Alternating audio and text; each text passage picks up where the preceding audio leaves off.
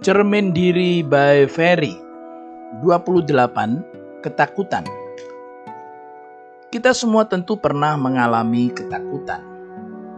Kita pernah takut berada di tempat yang gelap, takut ditinggalkan sendirian, takut berada di ketinggian, takut akan serangga, takut mati, dan sebagainya. Kini, kata Yunani fobia yang berarti ketakutan telah digunakan dalam banyak istilah di seluruh aspek kehidupan yang menunjukkan bahwa manusia selalu diliputi oleh ketakutan. Bahkan pengalaman penuh ketakutan yang telah berlangsung jauh di masa lalu masih bisa melekat hingga sekarang membuat trauma. Seharusnya kita tidak boleh takut. Mengapa? Pertama, sebab orang yang takut bersikap skeptis dan penuh curiga. Ketika ada orang yang baru kita kenal bertamu di rumah kita, kita mencurigainya. Jangan-jangan ia akan mengganggu kita dan mengambil sebagian harta kita. Seorang yang sedang menggunakan perhiasan yang mahal di tengah kerumunan akan mencurigai setiap orang sebagai perampas perhiasannya.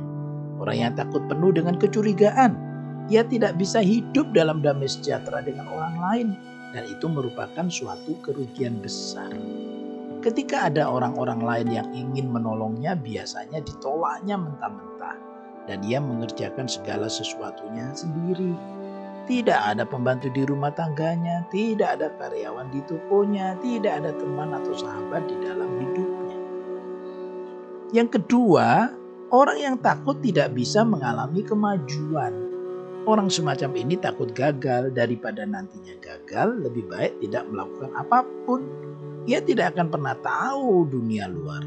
Orang yang takut bepergian tidak akan pernah mengerti bahwa ada tempat lain yang lebih indah dibandingkan tempatnya yang sekarang ini.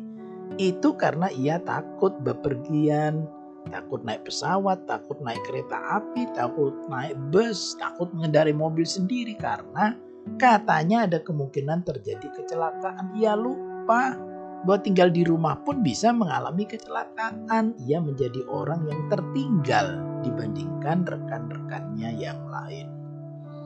Ketiga, orang yang takut mencegah kemajuan orang lain. Ia akan menceritakan kemungkinan-kemungkinan negatif yang bisa terjadi, bahkan hal-hal fatal yang bisa dialami sehingga orang lain pun menjadi takut melangkah. Takut itu menular, analisisnya tentang suatu hal menjadi tidak seimbang.